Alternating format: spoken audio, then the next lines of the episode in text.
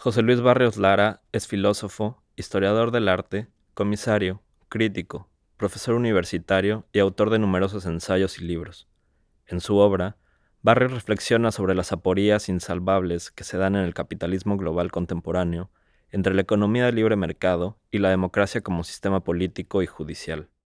Contradicciones cuyos orígenes rastrean las perversas alianzas soterradas con las que el colonialismo, modernidad y economía industrial vienen avanzando de la mano desde el siglo XV, y que han derivado, a día de hoy, en un régimen neoesclavista que ejerce toda su violencia, explotación y expropiación sobre los cuerpos migrantes.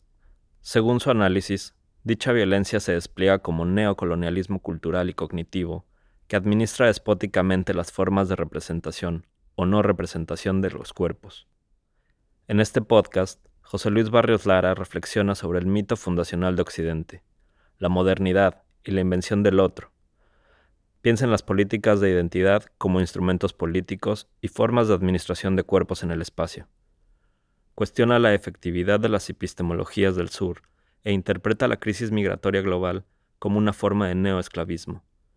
Un panorama esperpéntico en el que, según él mismo, ciertas intersecciones entre arte y política aún pueden desestabilizar el campo semántico de la representación y dar espacio a lo subversivo.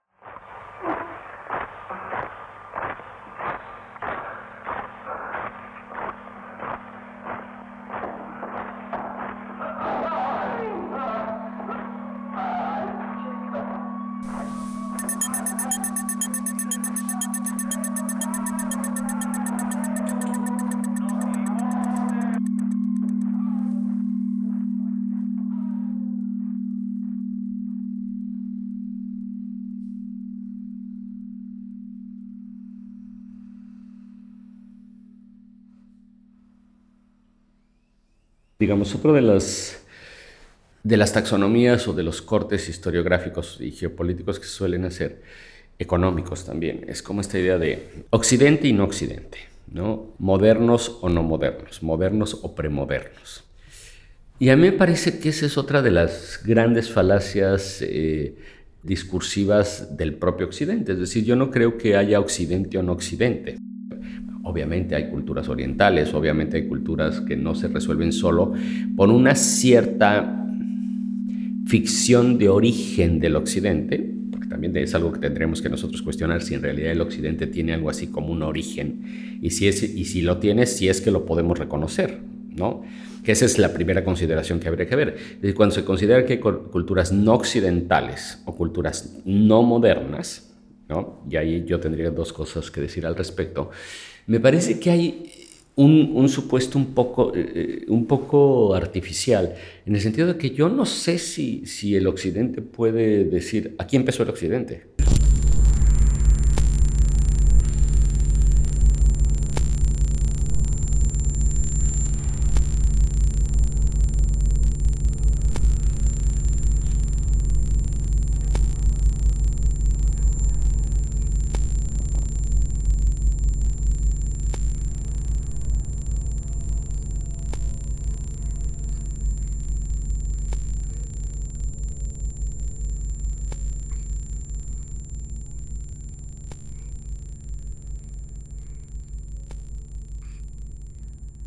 Con esta sociedad, con esta cultura, con este pueblo, con esta tribu.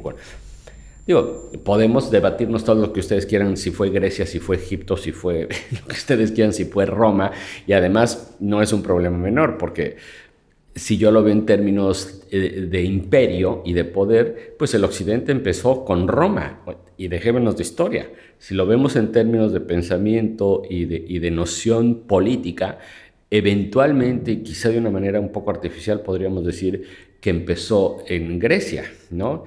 Pero al final del día lo que te quiero decir es que es, un poco la gran, la gran mentira de la, de la filosofía y del pensamiento occidental, es pensar que hay un origen.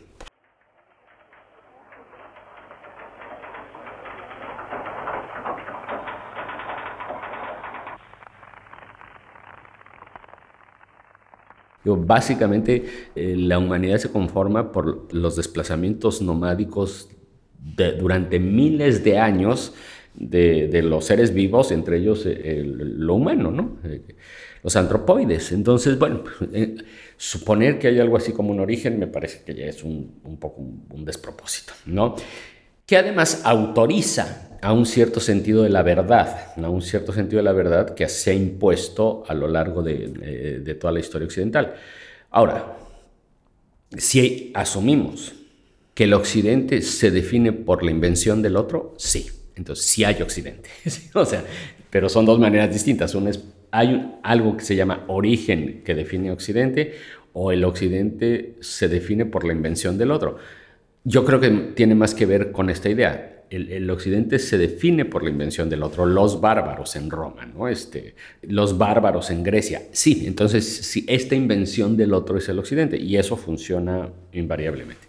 Esa es la primera consideración. Entonces yo en eso siempre pongo en reserva la noción de origen como para referirnos al occidente, ¿no? Estas cosas que, que luego cierta filosofía habla del origen, los mitos griegos como el origen de las, las experiencias originarias que dan sentido a...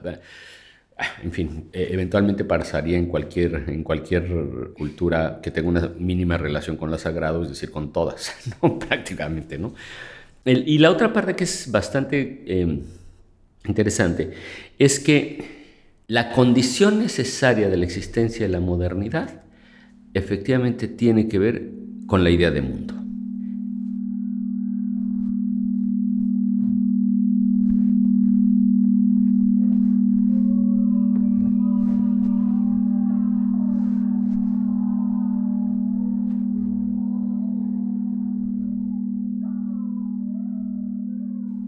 Y la idea de mundo tiene que ver históricamente con la idea de globo.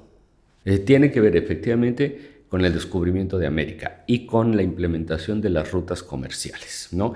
Me choca un poco la idea de descubrimiento de América porque no descubrieron nada, llegaron pues, con la llegada a América, ¿no? pues ya había gente viviendo ahí, entonces no es que hayan descubierto nada. Pero bueno, eventualmente, ¿qué sucede con eso? Eh, si lo, a mí siempre me gusta pensarlo mucho, eh, en, me gusta pensar cómo se construyen las categorías, en eso sí soy un materialista franco, cómo se construyen las categorías en la relación entre técnica, tecnología, economía, política y concepto.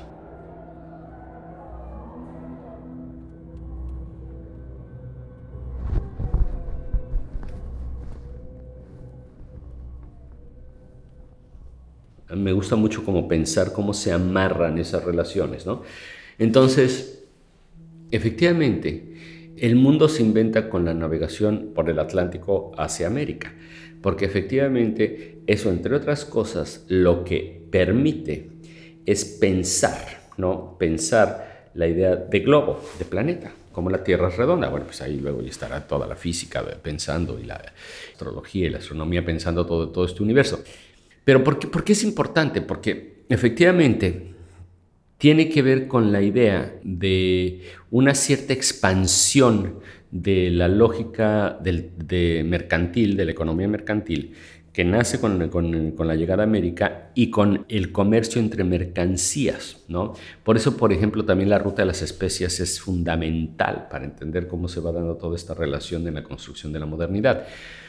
Entonces, la modernidad en este sentido no podría ser sin la noción de viaje y sin la noción de comercio y sin la noción de navegación transatlántica. ¿Por qué? Porque efectivamente lo que, lo que permite es empezar a generar una lógica de intercambio comercial que va construyendo el protocapitalismo. Digo, no podríamos hablar de un capitalismo industrial ni mucho menos, pero sí de la idea de generar acumulación y plusvalía como forma fundamental del intercambio comercial. Entonces, es una historia que tiene que ver con el hecho de que en la medida en que la tecnología puede generar una lógica del desplazamiento marítimo y ese desplazamiento marítimo permite generar cierta lógica del, intercambio entre tecnología y materia prima, ¿sí?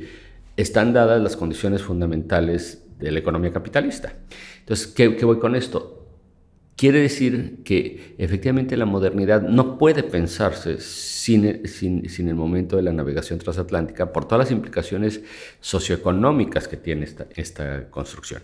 Ahora, que eso implica la colonización, claro que implica la colonización, le, va de suyo, vamos, le va de suyo. Pero no es que entonces haya habido una especie de modernidad, quién sabe dónde, ni quién sabe cómo, que de repente nada más llegó y se pasó y, se realizó en otro lugar del mundo, ¿no? Yo creo que van juntos, ¿no? Y lo que quiero decir es que en términos históricos, la noción de Occidente implicaría necesariamente la invención del otro.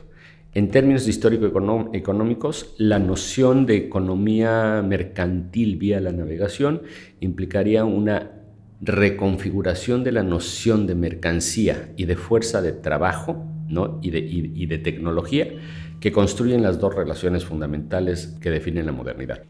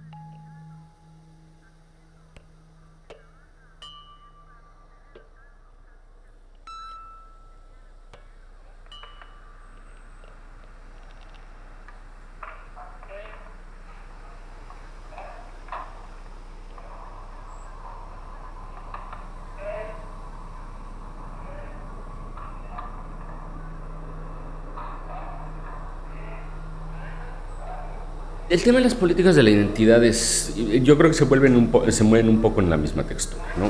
Digo, podríamos hacer toda una genealogía, casi irónicamente, ¿no? ¿En qué pensaba Parménides cuando pensaba el principio de identidad y no contradicción? O sea, ¿qué, ¿en quién o en qué pensaba Parménides? Estoy evidentemente exagerando el ejemplo, pero creo que, puede ayudarnos a entender un poco el asunto, ¿no?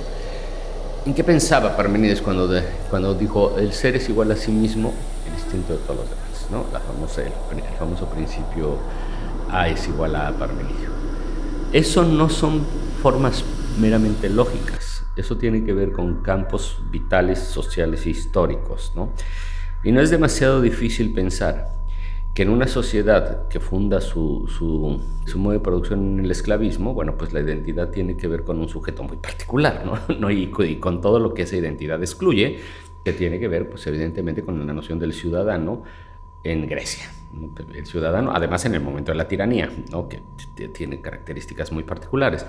Entonces, ¿qué resulta de eso? Que si, de nuevo, nosotros no podemos desmontar las articulaciones sociales y políticas con las que se construyen filosóficamente los conceptos en la historia del Occidente, estamos condenados a reproducir la violencia de esos conceptos. Entonces, un poco para apurar la respuesta. Entonces, la pregunta sería, ¿qué pasa? ¿Qué pasa con los discursos de identidad, con los discursos identitarios? Bueno, en esa medida son discursos que en tanto buscan una cierta singularidad de los individuos o de las comunidades, ¿no? tienden a no poder dar explicaciones de fenómenos y de procesos que no tienen que ver con la identidad o que no se resuelven solo por la identidad. Eh, mira, por ejemplo, uno de, uno de los casos más, más curiosos, ¿no? En el caso de las, de las culturas eh, ¿no? las culturas latinas en Estados Unidos, particularmente la, la cultura mexicoamericana.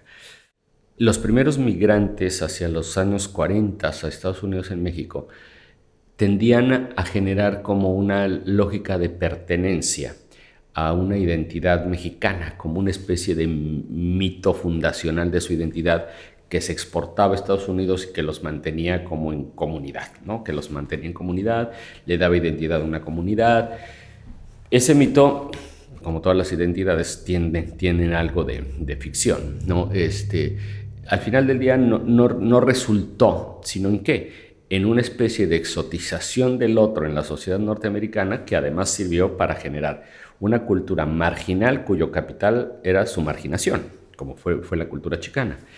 Esa historia, digo, no, no nos vamos a dedicar a ella, pero la propia migración mexicoamericana se tuvo que hacer cargo de cómo no ser mexicanos o cómo no ser americanos o cómo ser esto que quién sabe qué diablos es. Entonces hay una historia súper interesante en las culturas de, las migraciones de, mexicanos a Estados Unidos. Por entonces, lo que resulta de la identidad es que la identidad no necesariamente es una, una eh, una noción ontológica de pertenencia a una identidad, a una cultura, a una tradición, ¿no? sino que se va convirtiendo más en una estrategia de sobrevivencia política instrumentalizable como cualquier otra, ¿no? Instrumentalizable como cualquier otra. Entonces, ¿qué pasa? En el caso, deja de, incluso deja de existir el concepto de cultura chicana, ¿no? Y empiezan cultura latina, mexicoamericana, cultura fronteriza, se empiezan a generar una serie de, de categorías que son súper interesantes a nivel antropológico, ¿no? A nivel antropológico, que lo que te dan cuenta es que lo que no se está jugando es la lógica de la identidad, se está jugando la estrategia de posicionamiento social y político en el espacio y que no tiene que ver con lógicas de la identidad. Entonces, ¿qué resulta? Que cuando yo hoy por hoy quiero analizar los fenómenos de migración, por ejemplo, de eh, indígenas eh, mixtecos a Estados Unidos, no va a pasar por una identidad mexicana. ¿No? no pasa por algo que llamamos una identidad mexicana.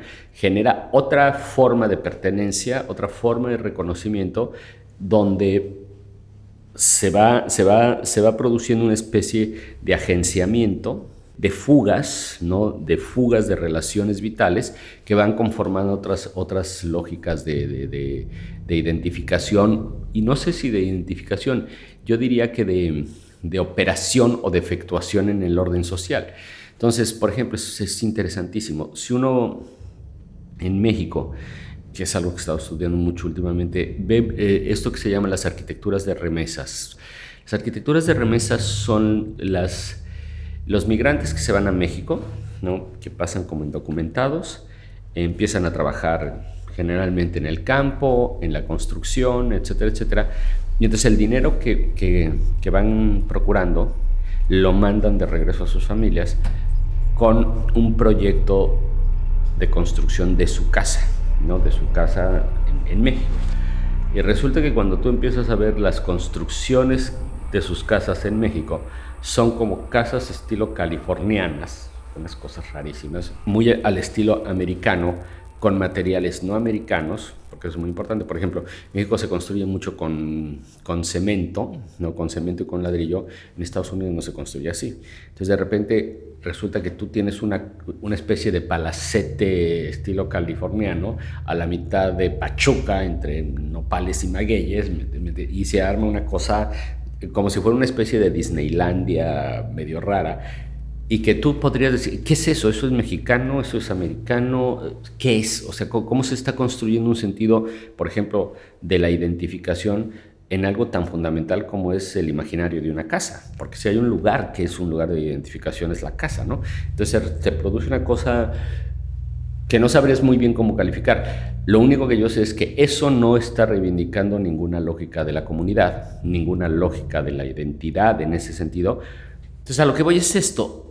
todo el problema de toda la concepción de, las, de los procesos sociales contemporáneos que buscarían resolver eh, eh, su conflictiva en función de la afirmación de los procesos comunitarios identitarios, en realidad me parece que son formas, son otras formas de exotización y de exclusión de esos procesos, ¿no? de exclusión de esos procesos por mor, digamos, de, un cierto residuo de antropología decimonónica que consideraría que conservar la pureza de quién sabe qué ni de quién sabe cómo este, garantiza como el bienestar o, al menos la condición patrimonial de estos individuos. Yo creo que eso ya no existe.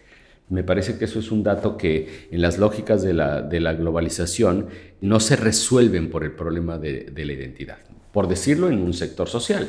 Si nosotros lo vemos en otros sectores sociales, por ejemplo, lo mismo pasa, ¿no? Lo, que pasa con, los sentidos de la comunidad.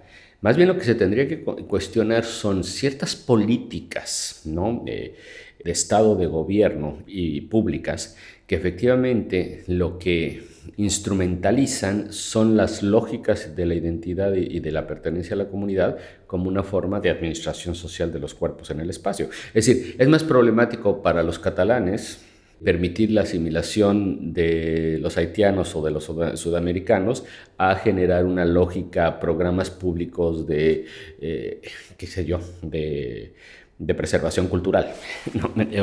obviamente, porque se vuelven mucho más...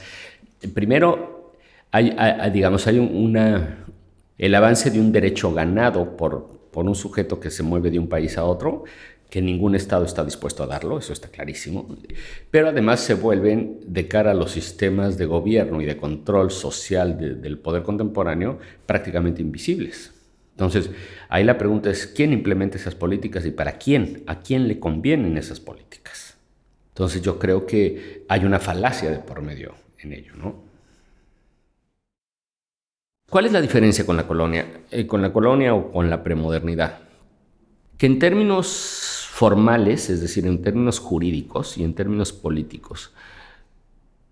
Las colonias y, el esclavismo, digamos, clásico, el, griego, el romano, sobre todo el griego, en ningún momento suponían, que el esclavo eh, tenía derecho a la libertad. Es decir, ser esclavo y punto. Digo, eso es clarísimo que por cierto les recomiendo mucho el último libro de, la saga de Agamben sobre el Homo Sacer, Los usos del cuerpo, que ya está publicado en español, ¿no? Este es un tomazo brutal, ¿no? Maravilloso el texto de Agamben. Y ahí Agamben sostiene una cosa bien interesante, eh, decir el tema y un poco contra Rancière, ¿no? De Rancière, que fue objeto de fascinación de curadores y artistas contemporáneos, ¿no? Este, a diferencia de Rancière, eh, que efectivamente eh, decía que el fundamento de la democracia, en su sentido más radical, estaría en Grecia, en tanto que el esclavo liberado, a diferencia del, del aristócrata o el noble griego, el esclavo liberado era impropio, no tenía ninguna propiedad que le diera autoridad, sino solo su propia libertad, una vez ganada, ¿no? Bueno, esa es la tesis de Rancière, pero Agamben dice una cosa bien interesante, porque Agamben lo que dicen, no, es que habría que pensar más bien que la figura de la esclavitud en Grecia, y eso es un dato que se perdió en la historia occidental, la figura del esclavo en Grecia solo tenía que ver con la imposibilidad de que su cuerpo no fuera otra cosa que su uso y que ese cuerpo no entraba en, el, en la lógica del valor de cambio.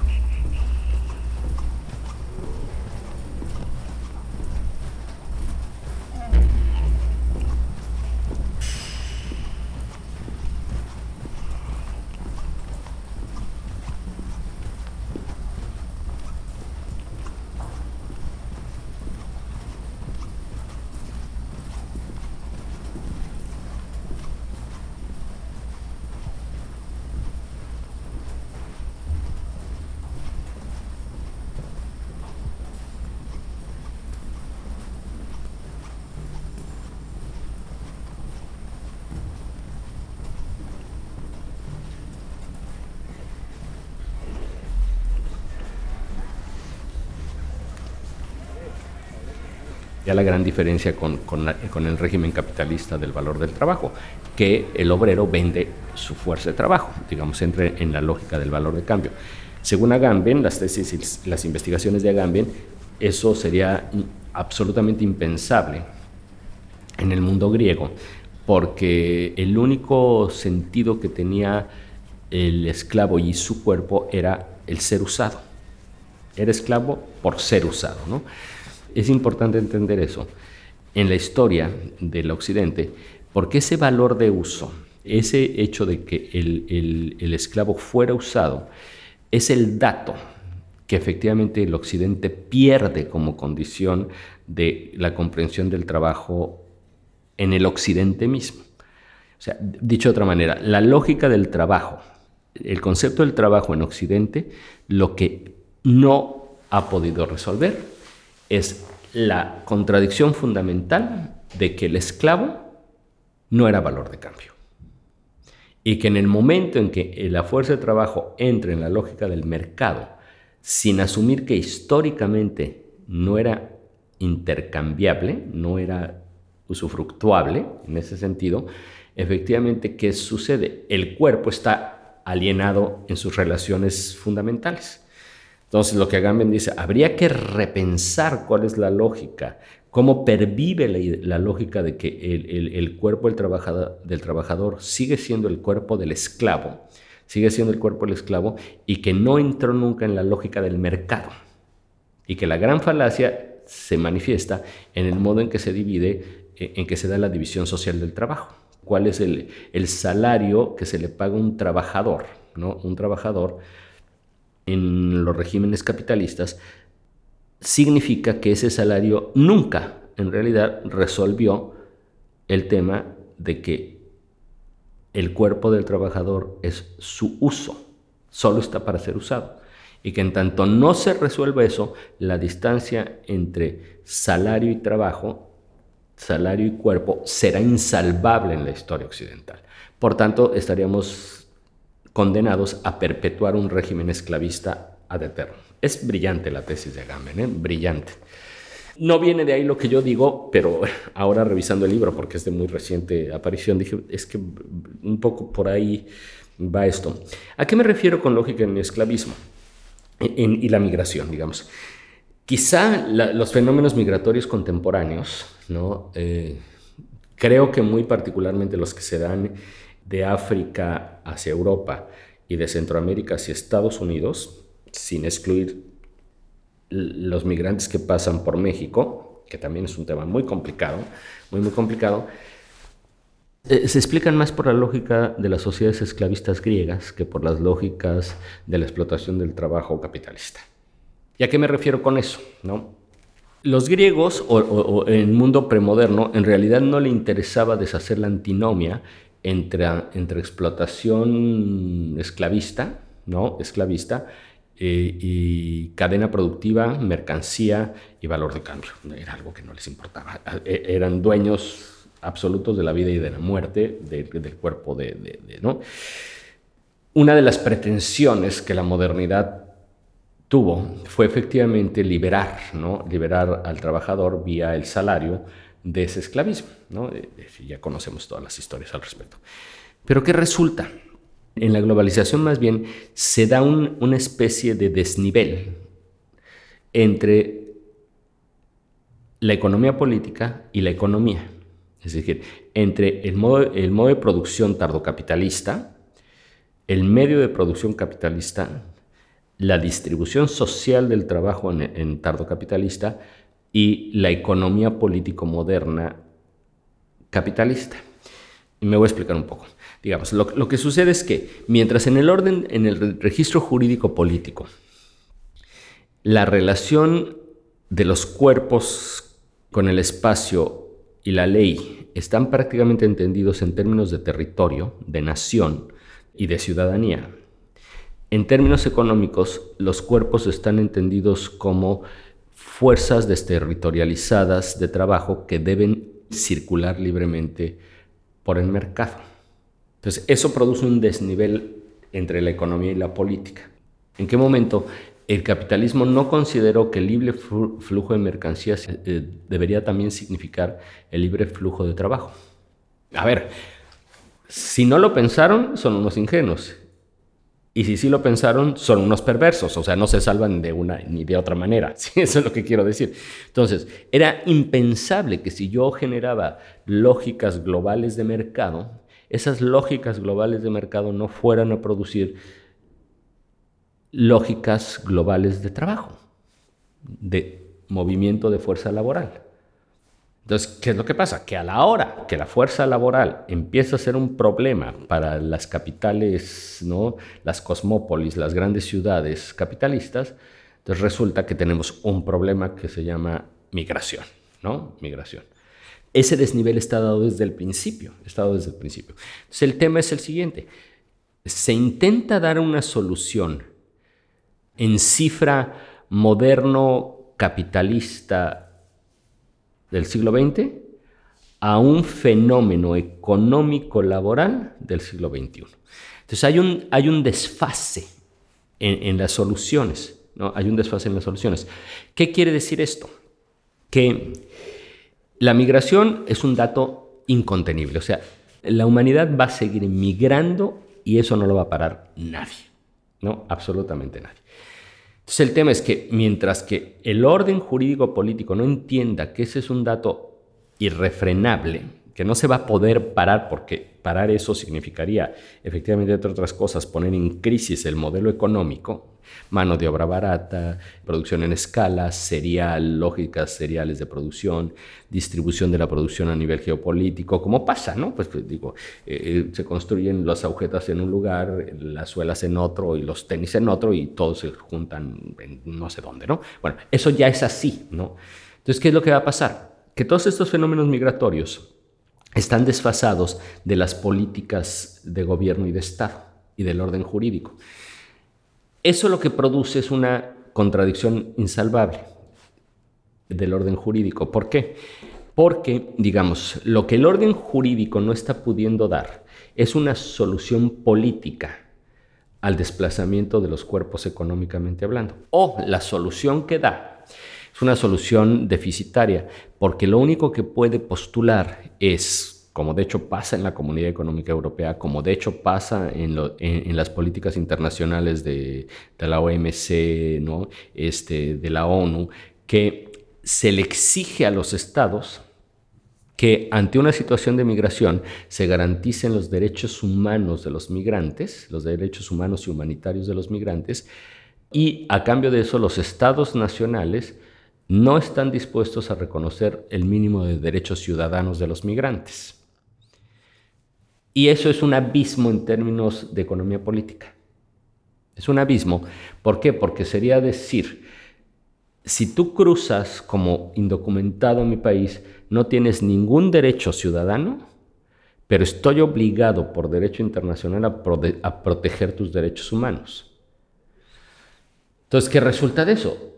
Que lo que se construyen son todas estas formas terroríficas, ¿no? De campamentos, refugios, etcétera, etcétera, que lo que hacen es que concentran los flujos migratorios para tenerlos controlados y no garantizan el desarrollo ciudadano de los migrantes.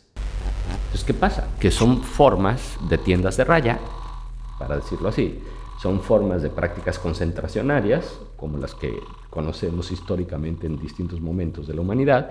Entonces, ¿qué resulta? Que el tema no es, el tema de fondo es cómo podemos resolver la poría, la contradicción fundamental entre el derecho soberano de los estados y el libre flujo de los cuerpos por el planeta. Esa es la gran contradicción interna. Es una contradicción en realidad entre el modelo de Estado y derecho moderno con el modelo de economía global.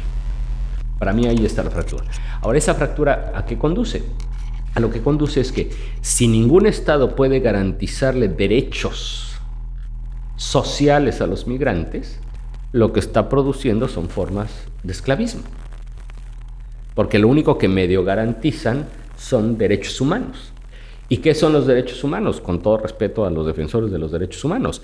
Son las formas discursivas deficitarias de lo jurídico que no encuentran cómo atender una contradicción interna entre soberanía y cuerpo en la globalización. Entonces, ese abismo se va profundizando, es decir, Volvemos a lo mismo, en México es violentísimo eh, lo que pasa con los migrantes, es terrible, a pesar de que el Estado mexicano suscribe tratados internacionales de protección y de defensa de los migrantes y todas estas cosas, eso bueno, digo, tiene que ver con una historia muy local, impunidad, este, ¿no? corrupción, etcétera, etcétera. Pero eso no es distinto ¿no? de lo que pasa con las migraciones de Medio Oriente a Europa. no es distinto. Que en Europa existe el prurito bien pensante de que son civilizados y por tanto no es un prurito, no es un prurito, no, no quiere decir nada, porque el problema de fondo no está resuelto, el problema de fondo es estos individuos que por las razones que sean han tenido que emigrar sin condición, sin reconocimiento de ciudadanía alguna o de estatuto jurídico alguno a digamos, el, Occidente, el Occidente no está siendo capaz de garantizar mínimamente los derechos sociales de esos migrantes. Y los derechos sociales de esos migrantes quieren decir salud, educación, vivienda y trabajo. Esos son los derechos sociales y eso cualquier constitución moderna se supone que lo garantiza. Entonces, ¿qué hay? Lo que tenemos no es una crisis de la migración, lo que tenemos es una crisis del modelo de estados nacionales y de derecho nacional. Y el único que lo puede resolver es el modelo de los estados nacionales y del derecho nacional. O sea, lo que hay que repensar es, el estatuto jurídico del derecho y su relación con el territorio y los cuerpos, porque eso es lo que está colapsado absolutamente. Entonces, en esa medida, cualquier solución es un paliativo. ¿Por qué? Porque vamos a generar programas de eh, recepción de migrantes, sí, pero ¿cuál es, la, ¿cuál es la capacidad que tiene un Estado de asimilar y si debe asimilarlos. O más bien, no será cuestión de regularizar y de generar políticas de Estado de desarrollo regional en regiones vulnerables del mundo, efectivamente para lograr el desarrollo de territorios y de cuerpos en su espacio. Es decir, hay que pensar todos esos modelos. ¿no?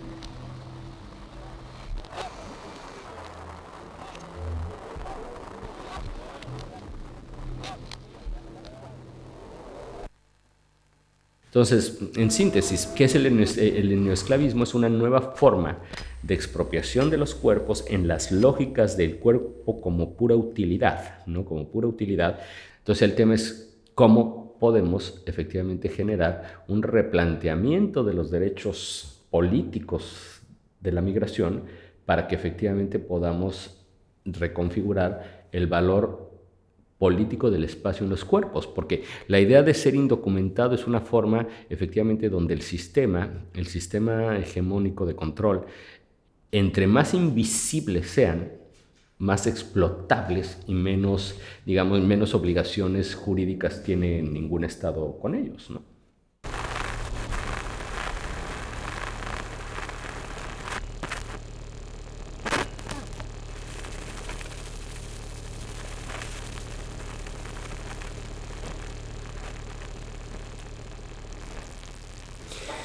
Bueno, quizá tendría que empezar diciendo que para mí eh, la relación del arte con lo político, con lo político, tiene que ver con el modo en que el arte, y ahí sí quizá muy kantiana, rancerianamente, el arte construye eh, condiciones de posibilidad de lo sensible en el espacio social, digamos. Para mí con eso tiene que ver lo político, ¿no? Entonces, para mí, la función en este sentido, la vinculación arte-política, el arte y lo político, efectivamente tiene que ver con la capacidad que el arte tenga de, como de apropiarse, de apropiarse de la forma en que los cuerpos y los significados actúan en el espacio. Ahora, ese modo de apropiación y ahí sí soy un, deudor de la vanguardia prácticamente en todo el sentido de la palabra, tiene que ver con un ejercicio de, poética, de poiesis, de distanciamiento estético del proceso, ¿no? que puede ser o no puede ser consciente, es decir, no, no creo que el artista tenga que tener su agenda de que ahora voy a hacer esto para distanciarme, no creo que tenga que ver con eso, tiene que ver con el propio gesto de la creación, ¿no? de la producción artística, pero sí tiene que ver con la capacidad de distanciarse de eso. Y ahí me parece que la estética en ese sentido es un recurso como muy importante, ¿no? Muy, muy importante. Es decir, eh, no tiene que ver, lo político, la relación arte-política no tiene que ver con el nivel discursivo de lo artístico sobre una problemática X. Tiene que ver con el modo en que puede inflexionar un cierto carácter afectivo y emocional de esa problemática como experiencia corporal y vital digamos, para, porque si no, mejor hacemos política, me voy al, Parlamento y, doy mi discurso, ¿no? voy, ¿no? digamos, hay una cierta especificidad de lo artístico, que para mí muchas veces eh, se pierde demasiado fácil porque uno tiende a pensar que la relación entre arte y la política, el arte de lo político, tendría que ver con denunciar este, que también, pero con denunciar la represión a, las mujeres negras este, haitianas que viven en Tijuana. O sea, contra eso no tengo nada. El tema es cómo. ¿sí? El tema es cuál es el gesto artístico que efectivamente permite que esa afección que impronta en el cuerpo de alguna manera, que, tiene una implicación eh, sensorial, vital, puede ser comunicada. ¿Por qué?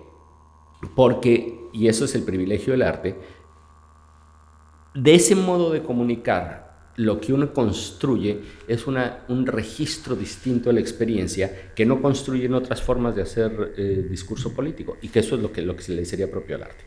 Entonces, en virtud de ello, yo creo que efectivamente eh, eh, buscar la, dimensión, la relación entre arte y política, tiene que ver en tanto que puede configurar estas lógicas de lo sensible. ¿no? Ahora, esas lógicas de lo sensible no son las lógicas de las emociones. Ojo, o sea, yo, no creo que el arte deba de ser empático en el sentido de simpático, o sea, de que tú tengas un simpatos, una especie de compasión en el sentido más elemental de la palabra, eh, y de identificación catártica con un conflicto. Me parece que esa es la forma, una forma, pero no es la forma. Y además, dentro de las formas de generar una, una especie como de función política de lo artístico, quizá es la más inmediata y la más fácil, generar una especie de conmoción emocional en el espectador. No, no creo. Yo creo que el registro eh, el registro político de lo artístico tiene que ver con la capacidad de un cierto distanciamiento, donde sí, efectivamente, eso que tradicionalmente en la estética se llaman valores estéticos, ¿no? qué sé yo, sublime, bello, este, melancólico, este, cómico, etcétera, etcétera, etcétera, lo que permiten es efectivamente conectar como, como con una, una, una especie de desdoblamiento de la experiencia en el sujeto que le permite como tomar conciencia, digamos, de una situación dada.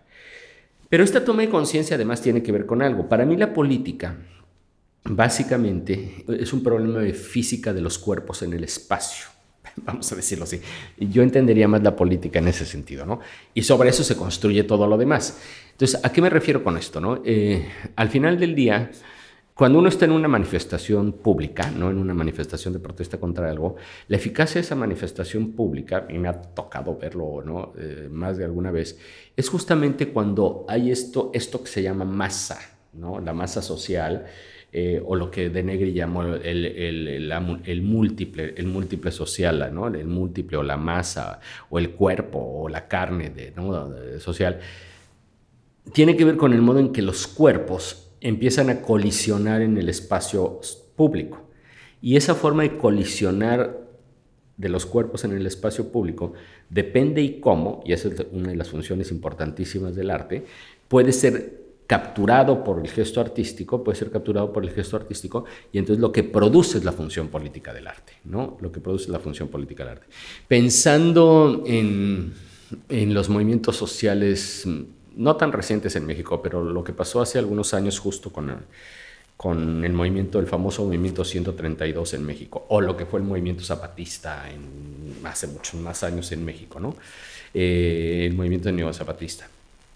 Lo que esos movimientos lograron hacer fue configurar, vamos a decirlo así, lograron enunciar un síntoma, no configuraron un, un discurso político, sino que enunciaron, configuraron un síntoma. Es que resulta, si uno ve, por ejemplo, la marcha zapatista en el 2000, ¿no? la, marcha, la famosa marcha zapatista que autorizó en su momento el presidente Fox en México, lo que era impresionante es que el modo en que se llevaba a efecto la marcha y el modo en lo que convocaba tenía que ver con una especie de desestabilización del referente de la demanda. Uno tendería a pensar que si es un movimiento zapatista de Chiapas, la reivindicación va a ser por el movimiento indígena, pensando en lo indígena como el discurso indigenista, es decir, el, el discurso identitario de la sociedad de los pueblos originarios en México. ¿no? Uno pensaría que esa es la reivindicación. Pues no, lejos de eso, si nosotros pensamos cuál fue la inteligencia, por ejemplo, del movimiento zapatista de Marcos en su momento, o del subcomandante Marcos, hasta el subcomandante Marcos, ¿no? El hecho de que no había, había una fuerza superior a él, un orden, un mando mayor a él, que no sabíamos quién era, los comandantes, ¿no? la comandante Ramona y lo que ustedes quieran. Entonces, todas esas formas de enunciarse, subcomandante Marco, enmascarados, el hecho de que fuera una mujer la que hablara ante el Congreso de la Unión, una indígena mujer enmascarada hablando ante el Congreso de la Unión, reivindicando los derechos eh, indígenas, eso en términos del campo semántico de la representación era una desestabilización absoluta. O sea, movía todo el orden de la representación. Entonces ahí el tema es, ¿qué hace el poder con eso? El poder solo puede negociar con el orden de lo representado.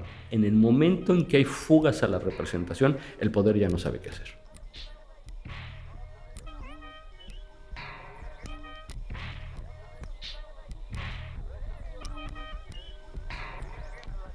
Entonces, ¿qué le queda? Negociar. Tiene que entrar en una negociación, porque si no, ¿qué viene? Hay un riesgo de crisis de, de su propia posición. En fin, habrá pasado lo que tuviera que pasar no, no fue todo lo afortunado que quisimos, lo que pasó en, eso, pero fue en términos de, digamos, de políticas de la representación, lo que hizo esa marcha y, el hecho de que la, la comandanta subiera al Parlamento, a la Cámara de Diputados y diera un discurso enmascarada ¿no? enmascarada con la máscara, el uso de la máscara para, no para ocultar el rostro indígena, sino para que no se identificara en movimiento con lo indígena, que eso es muy distinto. Porque en el momento en que yo lo identifico con lo indígena, en ese momento lo semantizo de cara a los olvidados de esta tierra, ¿no? Los marginados de esta tierra, México, los indígenas que siempre son los huérfanos de la historia. Entonces, la jugada, digamos, estética, por decirlo de alguna manera, la puesta en escena estética del zapatismo fue brillantísima porque efectivamente logró lo que los movimientos indígenas corporativista y los indigenismos ejidales y campesinos en México habían sido cooptados desde, desde hace años. Entonces, ¿qué resulta? Pueden reclamar gobiernos autónomos, derecho de uso y costumbre, no eh, reivindicación de derechos de minorías, una cosa brutal que en, en, la historia política del país era impensable, porque los indígenas lo único que podían reivindicar eran derechos indígenas, derecho al a su, a, su, milpita, a la tierra en el sentido mítico, no, y estos reivindicaron una cosa verdaderamente alucinante. Digo, como todos los movimientos que son auténticos, no necesariamente eh, están destinados a triunfar en términos de tomar el poder, ¿no? Entonces, todos estos movimientos han sido como, digamos, apropiados en lo que para mí es muy importante eh, como estrategia política del arte, que es una cierta iconoclastía. Yo estoy convencidísimo que la verdadera eficacia eh, política del arte no tiene que ver con la reivindicación de la víctima, sino con la iconoclastía a la imagen del poder.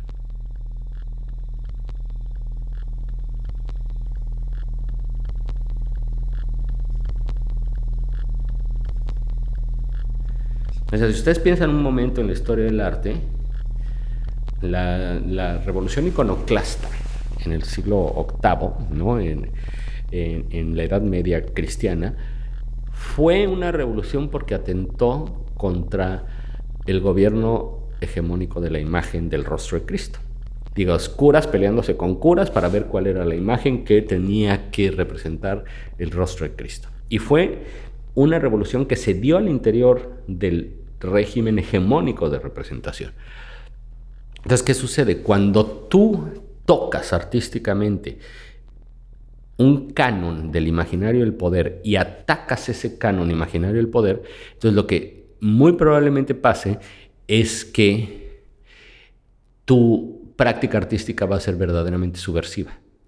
¿Por qué? Porque está siendo hereje. Digamos, hay una práctica herética de cara, digamos, si partimos del supuesto de que el atributo el atributo de la imagen en el occidente sigue siendo teológico, tiene una carga sagrada en ese sentido, si quieren secular pero sagrada, pues evidentemente el trastocamiento de esa imagen lo que produce es un escándalo brutal, porque lo que produce es una disrupción en el orden hegemónico de la representación. Fue lo que pasó aquí justo con la escultura del rey Juan Carlos, ¿no? O sea, ya ni era rey, lo que es muy esa anécdota, porque ya ni siquiera era rey. Fíjense la, inteligencia de esa, jugada, ¿no?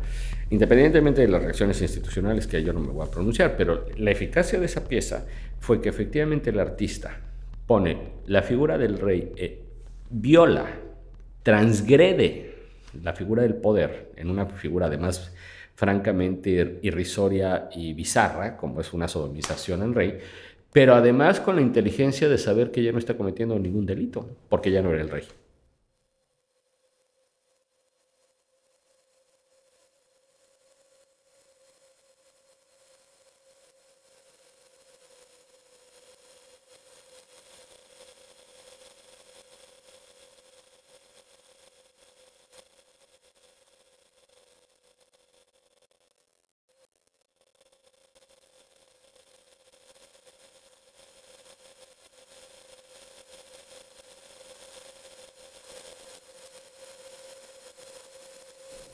Es brillante la jugada. Brillante. Porque, ¿qué viola? No está violando al rey, está violando la constitución del Estado español, pero además tampoco le está violando. ¿Por qué no le está violando? Porque ya no era rey. O sea, no había ninguna violación al, estamento constitucional de, de la monarquía. No sé qué destino habrá tenido el artista, pero jurídicamente no lo podían perseguir bajo ningún aspecto. Entonces, ¿qué pasa? Cuando hay prácticas que echan por delante a la víctima, no pasa nada.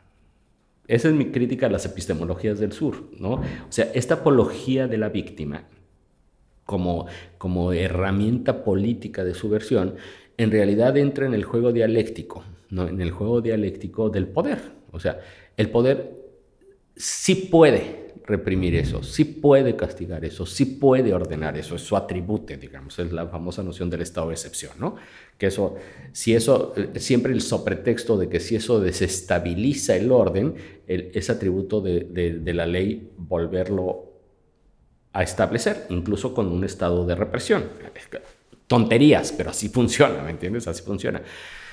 Pero ¿qué tal si de repente lo que increpamos es lo que aquello que el poder marca como, como delito, en este caso los símbolos nacionales.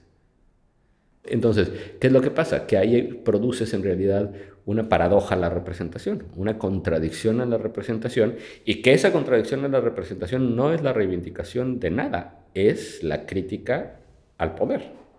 Y ahí a quien pones en problemas es al discurso hegemónico. Entonces, por eso eh, eh, mi, reserva a estas estéticas reivindicadoras de la diferencia, me parece que eh, mi tema no es que no sean legítimas, yo creo que sí son legítimas.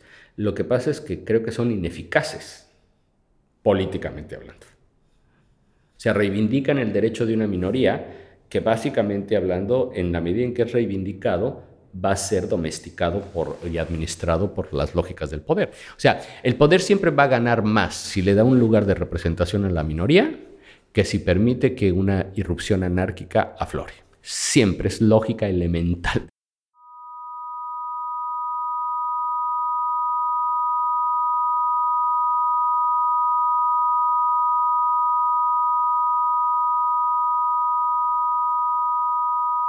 contra lo que pueda parecer, no soy tan catastrófico ni apocalíptico, soy muy crítico. Pero yo creo que hay eh, ciertas cosas que, que ya entrando un poco más en fino y que tampoco es un falso entusiasmo, eh, me parece que dan, marcan, marcan pistas interesantes. ¿no?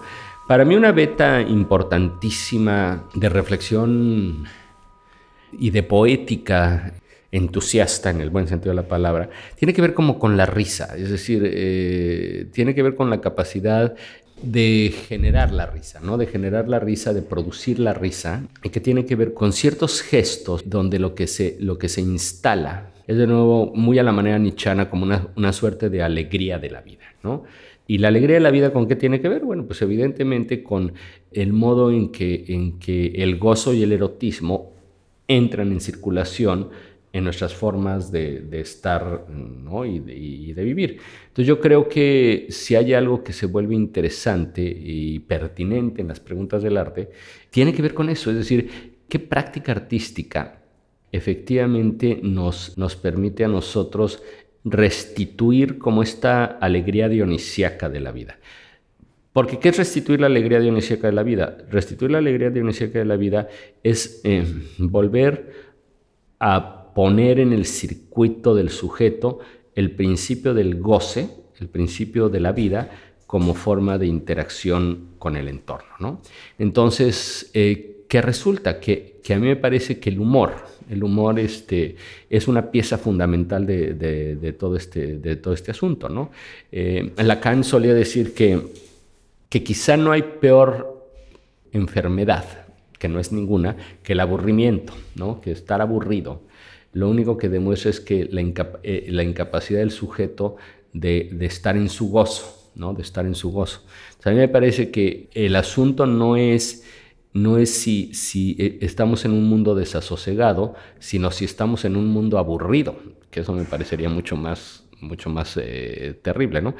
¿Y, qué función tiene aquí la, risa? La, risa justo tiene la función, como lo decía Freud, de interrumpir la solemnidad del discurso para que efectivamente el inconsciente goce a la hora de hablar, ¿no? Y, entonces tiene que ver como con, esa idea. Eh, no se trata de que todos nos, nos, tiremos al suelo a llorar lo trágico que es el mundo, sino se trata de mostrar que básicamente el mundo en el que vivimos ¿no? es un disparate. ¿no? Es un disparate, está eh, eh, muy español, es un esperpento. ¿No? Es un esperpento. Y que bueno, la verdad de esperpento es que por muy guapo que seas y muy bonito que seas, a la hora que te ves en un espejo siempre te rías de ti mismo, ¿no? Es un poco como la, figura de, de Valle Inclán sobre lo esperpéntico. A mí me parece que eso es un poco algo que, que de nuevo, ¿a qué nos conecta? Que no, si es cierto que lo que está detrás de toda, eh, sosteniendo toda la condición de la representación es el cuerpo, es la vida, es el goce, es esto, efectivamente uno siempre puede ser un esperpento. ¿Por qué? Pues porque si uno se pone a observar de cerca bien la risa franca de alguien, o cómo come, o cómo habla, hay algo esperpéntico en el gesto, pero el esperpento no es ningún defecto, es una forma, efectivamente, donde la forma se deforma. ¿no? Eh, la forma se deforma, se sobrepasa a sí mismo en términos de su propia como alegría de vivir, ¿no? que creo que eso es algo que, la caricatura ve muy bien, ¿no? Este, y que incluso, por ejemplo, la pintura del Renacimiento logra ver muy bien, que buena parte de la pintura española logra ver muy bien, y que tiene que ver con esto que hablamos, cuál es la relación entre vida, figura, tiempo, historia, y creo que con eso es con lo que tiene que ver sobre todo, ¿no?